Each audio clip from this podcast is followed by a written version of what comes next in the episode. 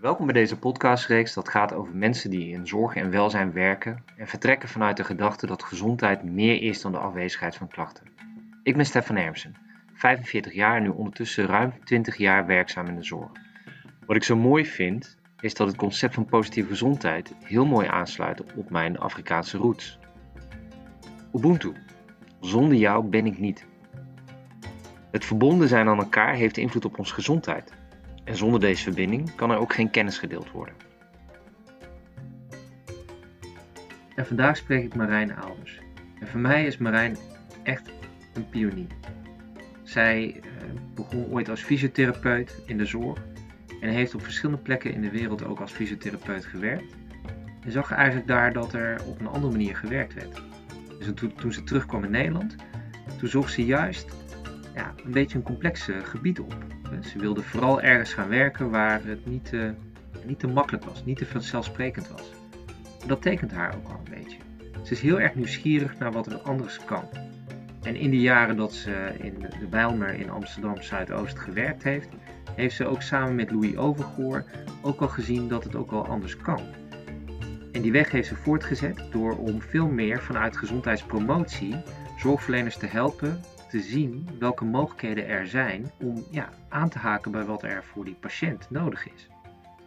Maar ook voor organisaties om aan te sluiten bij wat er voor die medewerker nodig is.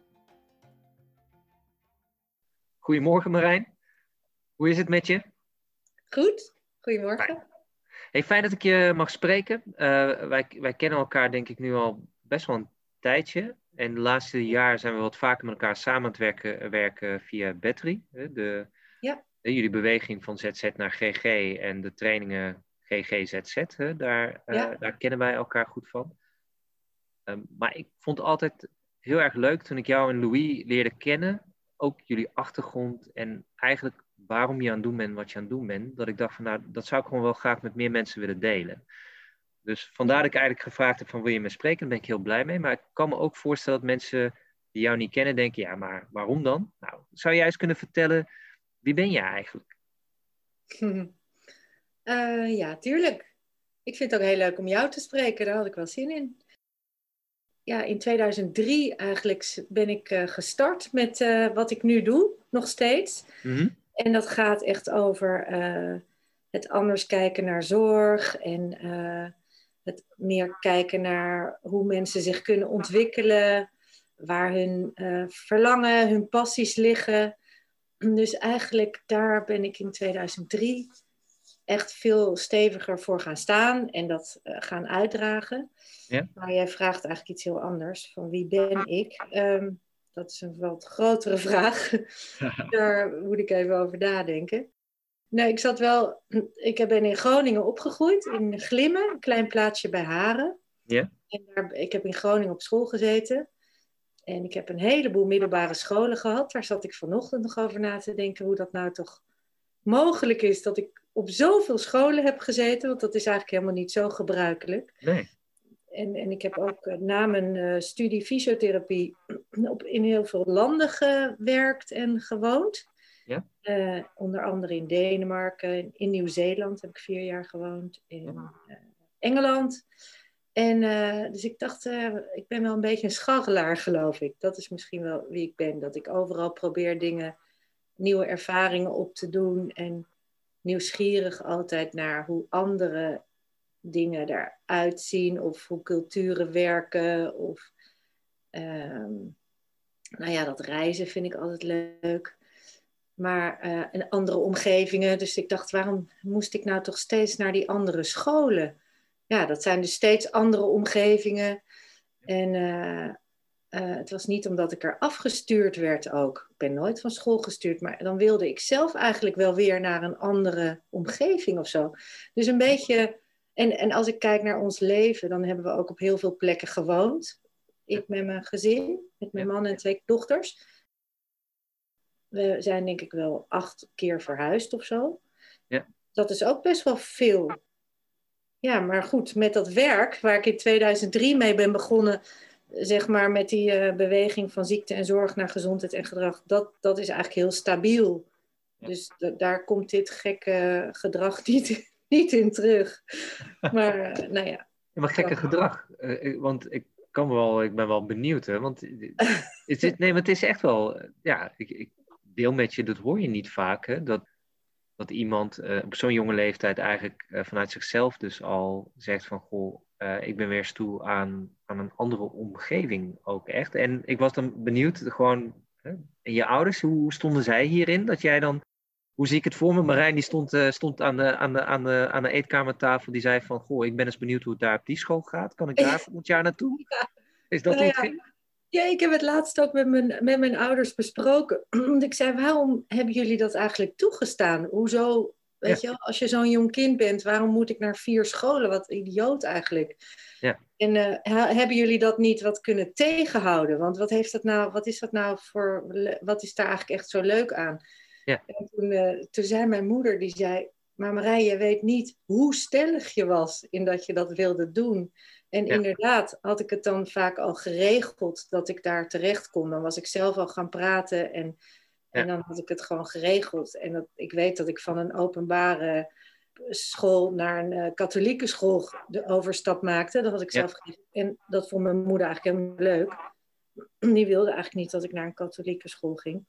Ja. Maar uh, ja, dan had ik het al geregeld. Dus ze zei, je, je was super stellig in wat je wilde.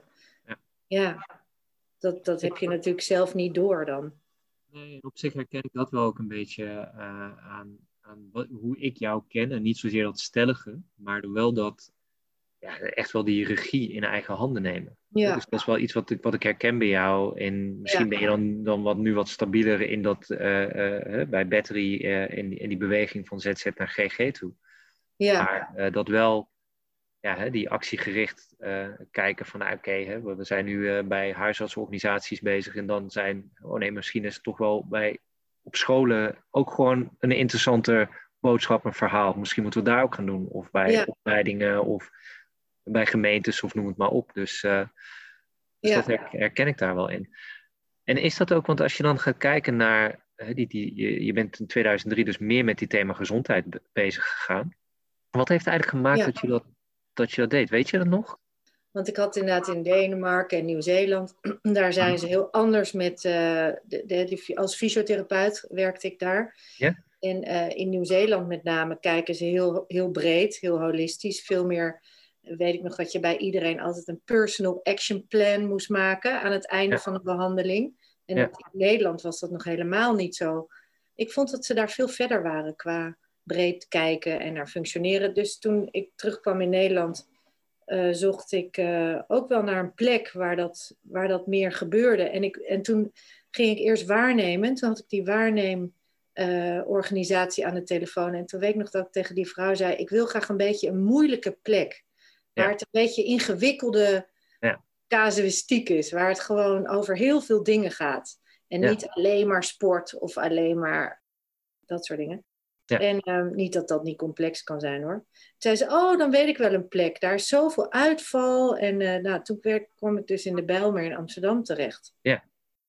En daar hadden mensen veel, ja, veel terugkerende klachten. En ehm, eigenlijk voelde je wel dat er onder die klachten een hele andere vraag zat. Namelijk, jeetje, hoe krijg ik nou toch meer grip op mijn leven? Kan je me niet alsjeblieft helpen om eens wel weer wat meer richting te krijgen? Nou ja, die vraag ervoer ik dan daaronder. Ja. En uh, dat was wel heel leuk, want je zag inderdaad dat je daar gewoon ziek werd van het behandelen constant van die klachten, van die, van die uitingen van die onvrede. En dat dat natuurlijk uiteindelijk geen zoden aan de dijk zet. En dat mensen na een paar maanden weer terugkwamen met exact dezelfde klacht. Dus van daaruit dat ik dacht, wat doen we hier nou toch verkeerd? Ja. Ehm, en inderdaad werden behandelaren daar ongelukkig ook van. Want je voelde, je bent niet echt bezig met, met waar het echt over gaat. Dus toen is dat echt wel ontstaan. Van, goh, als ik anders met mensen in gesprek ga ja, dan gebeuren er hele andere dingen. En, die, en die, eigenlijk die, die therapeutische behandeling, dat, dat echt dat fysiotherapeutische, dat, dat, dat is eigenlijk veel minder van waarde op deze plek. Ja. Dus uh, toen heb ik ook echt wel uh, die omslag gemaakt. En daar kwam ik natuurlijk uh, Louis tegen, Louis Overgoor, huisarts. En hij had ook eenzelfde ongenoegen en ook wel zag hij ook van, goh, we moeten hier veel meer met elkaar aan de slag met mensen versterken in hun gedrag en hun, hun invloed daarop. En Ja. Hoe kunnen we dat nou eens doen? Laten we het gewoon maar eens beginnen hier in deze hele wijk. Ja. En toen zijn we samen een keer in de kroeg, eh, eh, hebben we daar eens goed over gesproken. Ja. En toen dachten we, nou, we gaan het gewoon doen. We gaan gewoon kijken of we die grote tanker van zorg, of we die een paar graden kunnen laten, van, van koers kunnen laten veranderen. Dat hebben we letterlijk zo uitgesproken. Van, kunnen we niet kijken of we daar invloed op kunnen hebben? Dat het veel meer gaat over gezondheid, het leven, je invloed daarop. Naast een stukje goede zorg bij ziekte, maar dat dat niet steeds de ingang is. Ja, Daar, zo eh, zijn we aan de slag gegaan daar. En dat spreekt me ook, ook altijd wel aan. En hoe jullie, eh, en dan jullie voor mij is inderdaad, hè, Louis en jij, hoe ik jullie vaak hoor praten over dat geheel, is, is dat hè, je vaak natuurlijk een roep hoort van er moet meer gezondheidsbevordering en meer preventie. En eh, dat, dat is natuurlijk, zo kijken jullie er ook wel tegenaan. Maar dat andere wereld mag en moet ook bestaan. Dus dat ziektezorg, hè, Ja. dus dat het zet, hè, dat heeft een enorme belangrijke waarde. Ja. En het is dus niet zozeer dat dat andere belangrijker is dan het andere, maar je hebt beide goed nodig. Hè? En, Ja, ja. en die, die duiding eigenlijk, dan merk ik ook wel dat dat wel helpt. En misschien, Marijn, ik weet niet of het voor de luisteraars ook wel interessante context is, maar ik denk zeker, en dat, dat, dat de Bijlmer natuurlijk, hè, moeten we niet vergeten, in die tijd dat jullie daar zaten, dat daar ook een enorme ramp gebeurd is. Hè? En dat, daar, Ja. eh, dat, dat, dat, eh, dat dat ook echt iets deed hè, met, eh, met, met, ja, ook met zorgverleners die daar eh, waren, toch? Want merkte je ook dat om jullie heen ook daar die behoefte enorm was van ja, weet je, we moeten nu echt met andere dingen bezig zijn dan met pleisters plakken. Ja. Ja. Maar dat vond ik eigenlijk voor en na de ramp ook. Maar ja, ik denk, nou ja, het begon weliswaar daar. Ja. Maar eigenlijk is het zo'n generalistische kijk. Dit kan je overal toepassen. Dus het was leuk omdat het in de Bijlmer leuk en gevarieerd is. Maar dat, dat, nee, dat kan echt overal. Daarna ben ik op de Nieuwmarkt, heb ik gewerkt. En dat, daar was het exact gelijk. En ehm, dus dit hele concept, deze gedachtegang, die, die eh, kan je overal toepassen. In ziekenhuizen of Ja. voor ouderen, kinderen, opleiding. Ja. Ja. En ik bedoel, ik bedoel me ook misschien ook meer dat daar ook eh, de, wat ik vaak zie bij innovaties, die gaan om, want eigenlijk, eigenlijk waar jullie mee bezig zijn, als ik hem even zo plat mag slagen, Ja. slaan, is eigenlijk gewoon echt veel meer van hoe, hoe help je een persoon, en wij noemen die in de zorg een patiënt of een cliënt, hè, maar hoe help je een persoon om die eh, invloed die die wil uitvoeren op de eigen gezondheid, om dat Ja. te doen op een manier dat past bij die persoon. En, Precies. en daar, daar, er zijn natuurlijk Self-management is een thema dat al 15 of 20 jaar speelt. En wat je dan vaak ziet, is dat die goed hoogopgeleide, blanke, eh, zelfsturende mensen, die vinden het geweldig, die gaan ermee aan de slag. Maar die gezondheidsverschillen, die blijven even groot. En jullie hebben denk ik wel kunnen laten zien in zo'n divers, complexe omgeving, dat het wel kan. Hè? Mhm. En dat het niet alleen kan, maar dat mensen het willen. Hè? Dat, dat Ja. mensen het zelf willen. Ja, Dat is, dat is en dan zie je, het kan overal, maar hè, dan is het wel prettig als je je innovatie kan zeggen, ja, want zelfs hier, of niet, misschien wel vooral hier, is gebleken dat het nodig is. En als het hier kan, ja, dan kan het overal. ja, Dat, dat een beetje meer, waarom ik in ieder geval wel geïnteresseerd was in wat jullie deden. Dat ik dacht van, ja, Ja. maar wacht even, hier gebeurt iets wat, ja, wat niet in een, in een veilige, eh, constante eh, klinische omgeving ontwikkeld is. Maar wat echt Nee. gewoon uit de weerbarstige praktijk komt. ja. Helemaal waar. Ja. Ja. Dat is wel leuk, want inderdaad, wij hadden daar uiteindelijk deden alle scholen mee, de allerlei organisaties uit de wijk. En wat eigenlijk heel bijzonder was, vond ik, was de, destijds de directeur van de GAZO, van de Stichting Amsterdamse Gezondheids, eh, de ja, Amsterdamse Gezondheidscentra Zuidoost. Ja. Die heeft ook daar ruimte voor die innovatie gegeven. Dus dat was een belangrijke, terwijl hij ook niet precies wist welke kant het op ging. Nee. Dat was eigenlijk een hele belangrijke trigger voor, om door te ontwikkelen. Destijds Agis heeft ook gezegd van joh, dit is interessant, ga maar mee door. En wij kunnen daar een klein beetje aan bijdragen. Plus de, de gemeente van, Amsterdam, van Zuidoost. Die, daar was ook een hele een clubje wat hierin geloofde en wat echt ruimte gaf. Ik noem het altijd scharrelruimte of innovatieruimte. En, eigenlijk door een aantal factoren bij elkaar hebben we daar heel, uh, heel veel geleerd ook hierover. En toen ontdekte ik wel daarna dat het totaal overal toepasbaar is. Dus dat het, niets met hoog of laag opgeleid of context of zo. Je kan dit overal toepassen op iedereen. En daarom is het, ja, het is zo mooi. Je kan het eigenlijk uh, in alle sectoren invoegen. Steviger maken. Heb je, ik weet niet, want daar hebben jullie misschien een keer over nagedacht, maar heb je kunnen kijken van wat maakt nou juist dat dit zo universeel is eigenlijk, of zo generalistisch is? Wat, wat is dan volgens jou de, de, kern of de kracht van uh, wat jullie daar ervaren hebben? Nou, ik denk dat het omdat het gaat over waarde. Dus wat, wat vind jij belangrijk? En dat kan iedereen prima, daar kan je prima bij komen. Als je daar, als iemand hè, dat zelf ook ziet, als zo'n professional ziet, dat hij de waarde bij de ander naar boven kan halen. Ja. Dan maakt niet uit. Dat geldt voor iedereen. Ja. Wat vind je belangrijk? Wat doet er toe voor jou? Dat is niet afhankelijk van uh, waar je bent geboren of opgegroeid. Of... Iedereen heeft zijn eigen waarde. Dus als je in die zin kan aansluiten daarbij, dat is heel universeel. En dat is ook leuk. En, en moet je natuurlijk leuk vinden om dat te horen bij de ander. Maar de meeste professionals die we hierin veel meer wegwijs maken, die geven ook aan, het past ook bij mijn persoonlijk functioneren.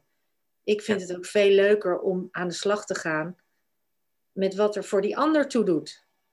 In plaats van dat ik zeg hoe ik denk dat het moet zijn. Ja, ja. en dat is, dat is denk ik ook een beetje dat bredere blik van, op gezondheid, waar jullie het ook best wel vaak over hebben. Dus dat je, ja. dus dat, je dat ook, ook ziet, dus dat herken ik ook wel. En ik, ik, merk ook wel, en daar denk ik zit een uitdaging, dan ben ik benieuwd hoe je daar tegenaan kijkt, is dat soms is iets, klinkt iets te mooi om waar te zijn. Hè? Dus mhm. een beetje zoals, net zoals wereldvrede. En ik merk soms een beetje hetzelfde soort van dilemma rondom hè, die patiënt vragen wat hij belangrijk vindt en wat, die, uh, wat ertoe doet voor hem of voor haar. Dat daar ook bij, ja, hè, bij, bij, veel professionals wel echt wel schroom zit van ja, maar is het echt zo simpel? Ja. Het idee dat wij hebben het allemaal zo moeilijk gemaakt dat het bijna dat het, ja, dat het onmogelijk lijkt dat iets zo simpel is. Ja, ja grappig. Ja. Ik ja. weet herken je dat? Of niet? Ja, uh, ja, herken ik eigenlijk wel. Ja. En, en heb jij daar een manier waar je daarmee omgaat? Want dat zal je vast tegenkomen, hè? want jij, bent, jij traint dus ook gewoon professionals. Hè? Eh, dat uh, doe je doordat mensen het zelf ervaren. En, ja. en daar plezier aan beleven. Dus ja, ik herken wel wat je zegt. En ik ben natuurlijk wel gedeformeerd, want ik zit natuurlijk veel meer in dit trainen. Dus dit is normaal om mij heen. Maar ja. um, ik merk dat als mensen wat sceptisch zijn of denken van hé, hey, dit kan gewoon niet zo, dit kan niet zo werken. Als ze het zelf gaan ervaren mhm. en als ze ook zien wat het kan opleveren uh, en ook uh, de plezier die het oplevert. Hè, ja. Het is ook een beetje spannend, want je zit ook op een terrein misschien waar je wat minder in ontwikkeld bent nou ja, als je die combinatie van een aantal van die elementen die ook in die training zitten, ja, dat maakt vaak wel dat mensen denken, hé, hey, dit is echt, hier zitten nu wel nieuwe mogelijkheden. Hier, dit is echt leuk. Hier ga ik eens wat mee doen. Hier wil ik mezelf best verder in ontwikkelen, want dit heeft zin. En, het, en wat ik ook eh, goed vind om nog even te vertellen, is dat het zijn ook wel communicerende vaten. Wat we heel goed in dat eerste stuk hebben gezien in de Bijlmer, die jaren daar, dat op het moment dat wij veel meer aandacht gaven aan dat stuk functioneren, versterken, invloed en regie daarover hebben, veel meer richting en actie voor mensen creëren, dat daardoor de vraag naar zorg en echte therapeutische interventies echt afnam. Ja. Dus op het moment dat je het ene echt versterkt en meer aandacht geeft, gaat het andere wel omlaag. Omlaag, ja, precies. En, en dat is natuurlijk heel belangrijk. Er komt niet een heel stuk bij, nee. maar je verschuift het. Het is een, echt een transitie. Ja, precies. En ik had toevallig laatst sprak ik een project, uh, projectleider die niet in de zorg werkte. En die, die had een hele mooie vergelijking. Uh, want, het ging ook, want dit gaat ook over samenwerken. Hè? Dus over hoe doe je mhm. dit samen. Hè? Niet alleen maar jij dan als praktijkondersteuner, huisarts of fysiotherapeut of, of welzijnsmedewerker. Maar hoe doe je hoe doe je dit samen? En hij zei eigenlijk ook de grootste uitdaging in samenwerking is als iedereen komt vanuit de expertise en eigenlijk voegt iedereen 20% te veel toe, wat een knelpunt bij de anderen oplevert. En als je dus de dialoog met die professionals kan voeren uh, van ja, hè, hoe zorg ik ook dat jij kan doen wat jou, wat, wat, wat, wat waarde toevoegt voor die ander, mhm. dan, uh, dan je eigenlijk een veel minder grote kerstboom op. En het is eigenlijk veel beter voor die, uh, voor die eindgebruiker, voor die klant. Ja. dus ja. zo deed hij dat in de bouw. En toen dacht ik van ja, maar dus, eigenlijk doen we dat in de zorg. Is dat wel een ding? Want je, je had ook kunnen zeggen van we geven aandacht aan functioneren. Maar uh, die huisarts, die blijft die persoon uh, gewoon nog heel erg ZZ op zijn, uh, op zijn medische waardes prikken die de indicatoren van zijn huisartspraktijk zijn belang streelt. Mm-hmm. ja, dan, dan blijft waarschijnlijk die vraag naar interventie, die blijft er wel. Ja. Dus je, je, moet ook iets niet doen. Ja, ja dus... er kan iets af. En ja. dat is wel een ingewikkelde altijd.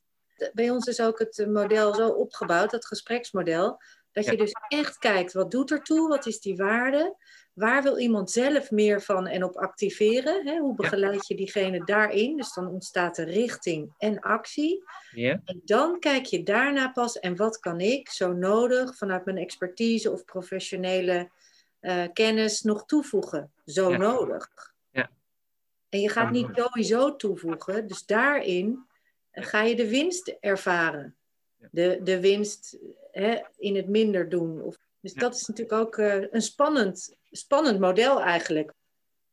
Eens, hè? En, en dan merk ik, ik hè, dus iets wat mij opviel in, in sommige van de gesprekken dan met bijvoorbeeld met praktijkondersteuners. We waren in de regio Etteleur en we hadden daar uh, zeg maar een, waar we ook met, een, want voor het beeld van mensen die drie fases dan ook in de training een soort van, die drie fases worden nagebootst. En dan de laatste fase wordt, wordt de expertise toegevoegd van de professional.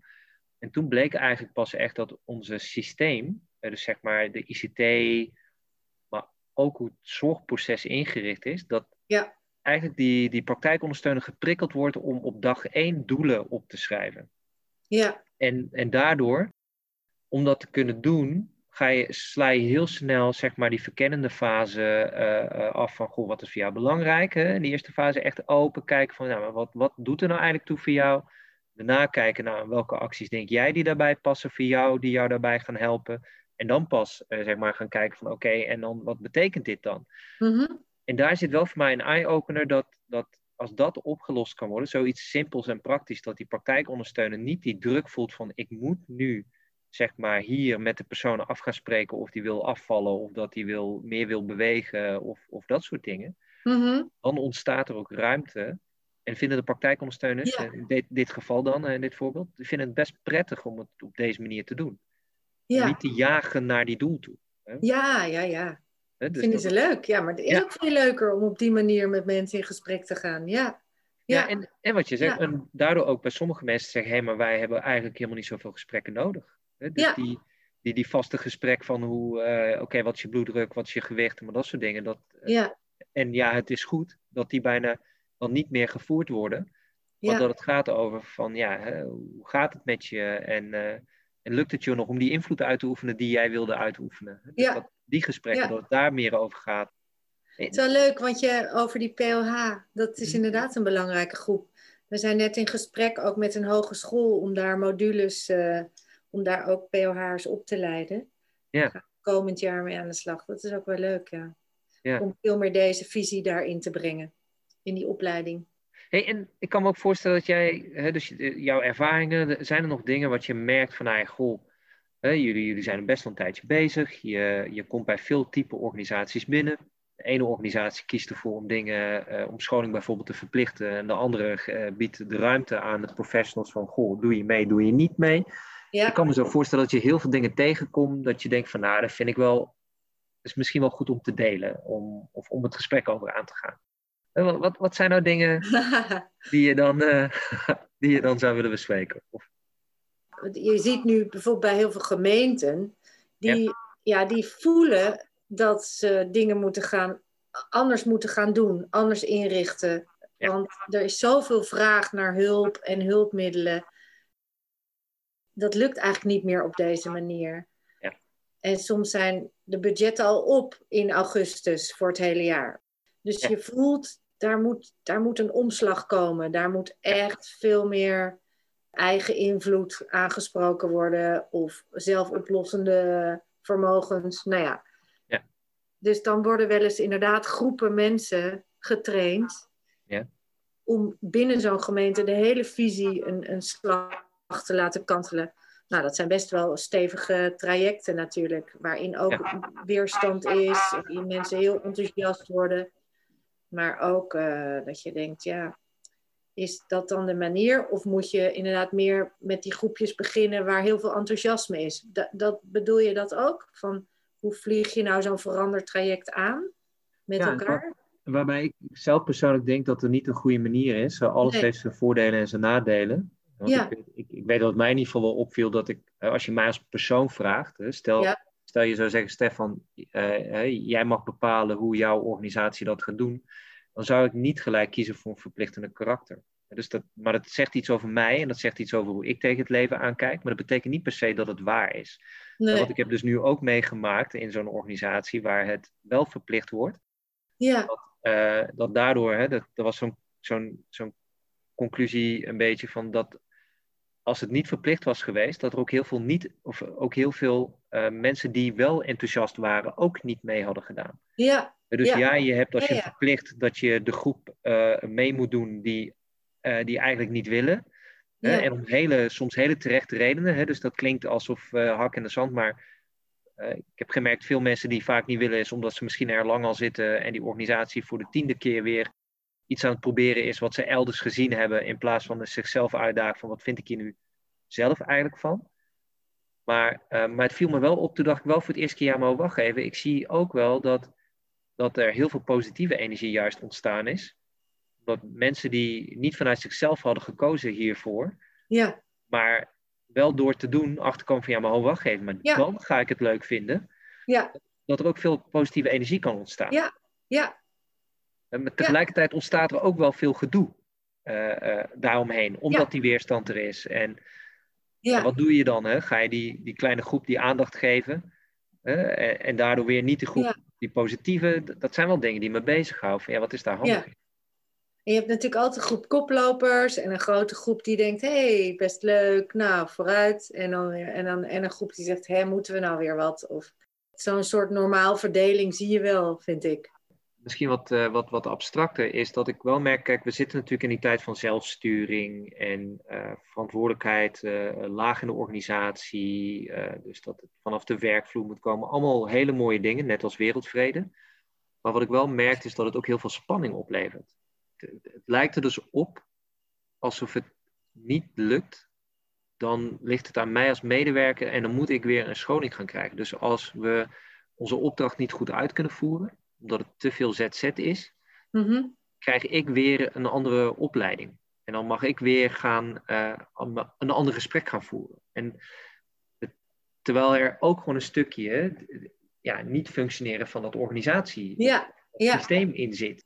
En, en Ja. dat, vind ik, dat vind ik een spannende. Voor wat voor Ja. gevoel geeft het aan medewerkers dat ze steeds weer een andere eh, zeg maar scholing krijgen? ja. Nou ja, de- wij hebben, zien dat dus meer ook als een regio-benadering. Ja. Waarbij je natuurlijk en kijkt naar eh, de organisatie en naar de medewerkers en naar de, eh, meer het systeem eromheen. Dus je moet inderdaad naar al die niveaus kijken. Van Ja. welke stappen worden daarin gezet? En de organisatie moet dat ongelooflijk steunen. Ja. Eh, hè, als medewerkers ook dingen gaan aanpassen, dan zullen zij dat ook goed moeten faciliteren voor hen. Ja. Dat, dat is de enige manier, denk ik, waarop het goed Ja. kan. In een hel- heldere visie erop en goed meedoen en daarin ja, ongelooflijk participeren en eigen, ook eigen verantwoordelijkheid nemen. Ja, dat, dan dat zie je wel gebeuren hoor, vind ik. Ja. Dat is leuk. Dat mensen heel goed beseffen dat het echt, als je hier echt mee aan de slag gaat Ja. met deze omslag, dat het dan echt iets betekent voor, de, voor je mensen in de, in de wijken eh, of je patiënten. En, en dat het echt wat vergt van professionals. Het is niet zomaar gebeurd. Je Nee. moet daar echt een tijd voor nemen en flinke ruimte voor krijgen om het te oefenen en, en, en, en casuïstiek te bespreken en zo. En voor de organisatie betekent het heel wat. Misschien anders organiseren, andere formuleren, ander taalgebruik.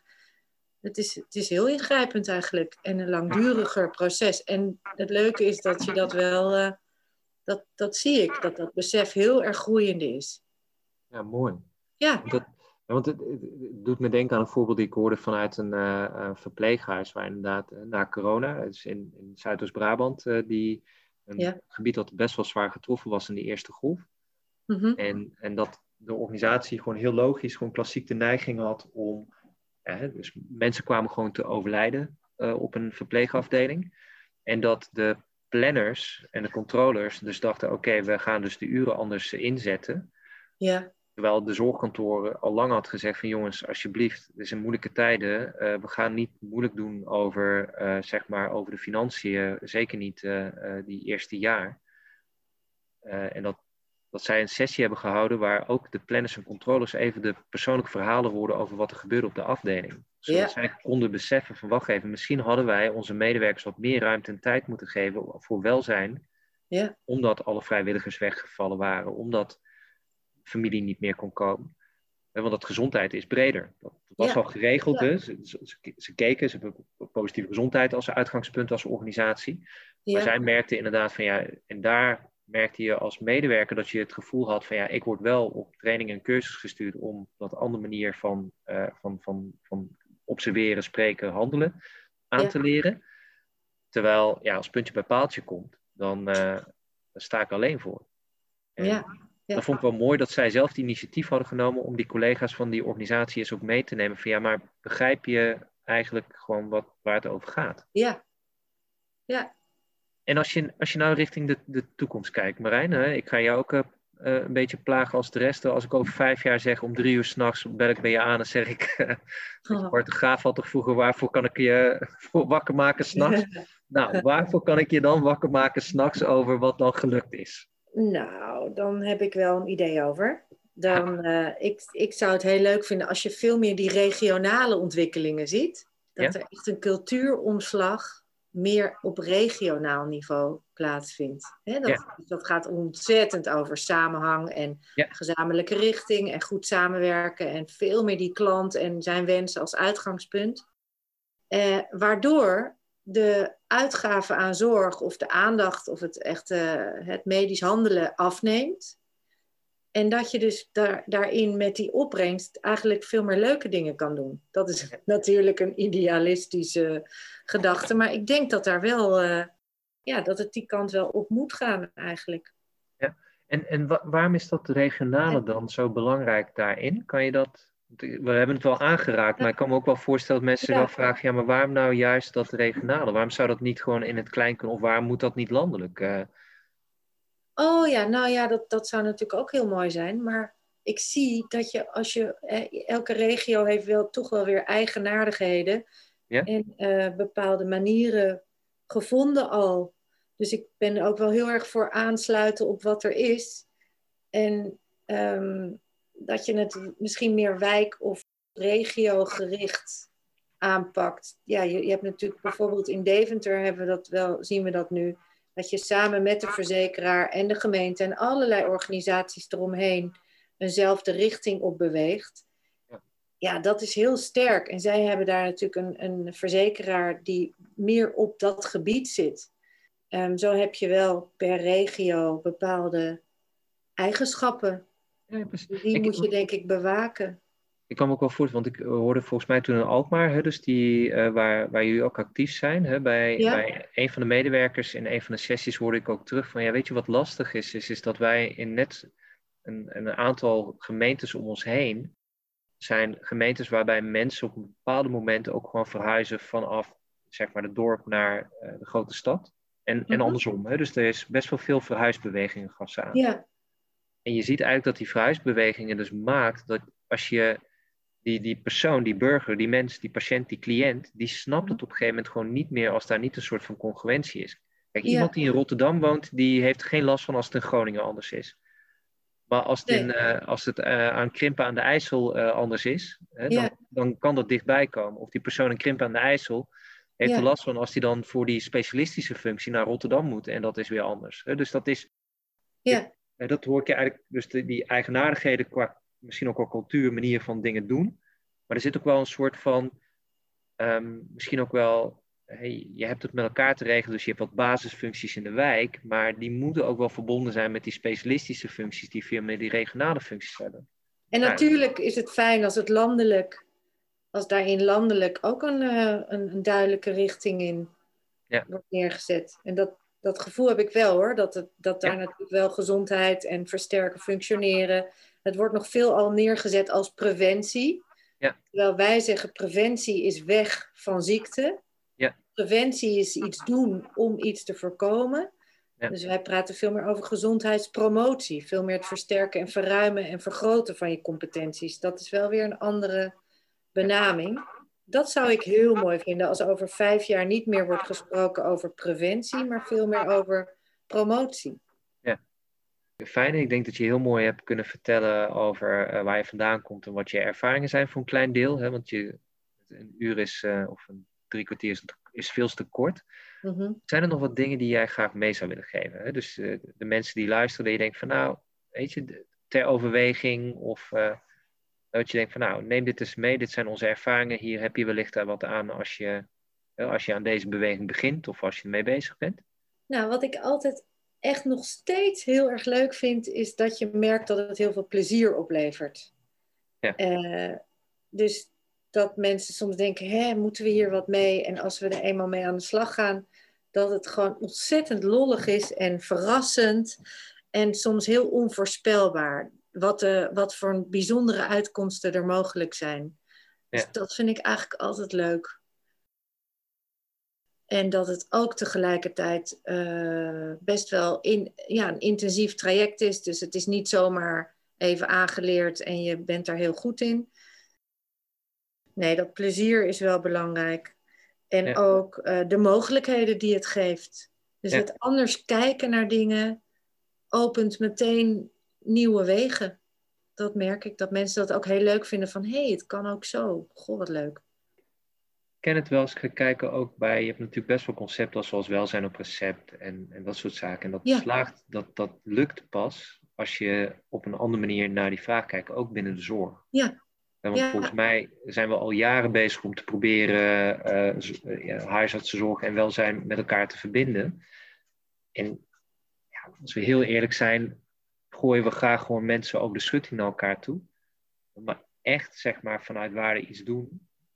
Dat dat vraagt dat je op een andere manier kijkt. En ik hoor jou zeggen, ja, dit geeft je de mogelijkheid om dat te doen. Ja.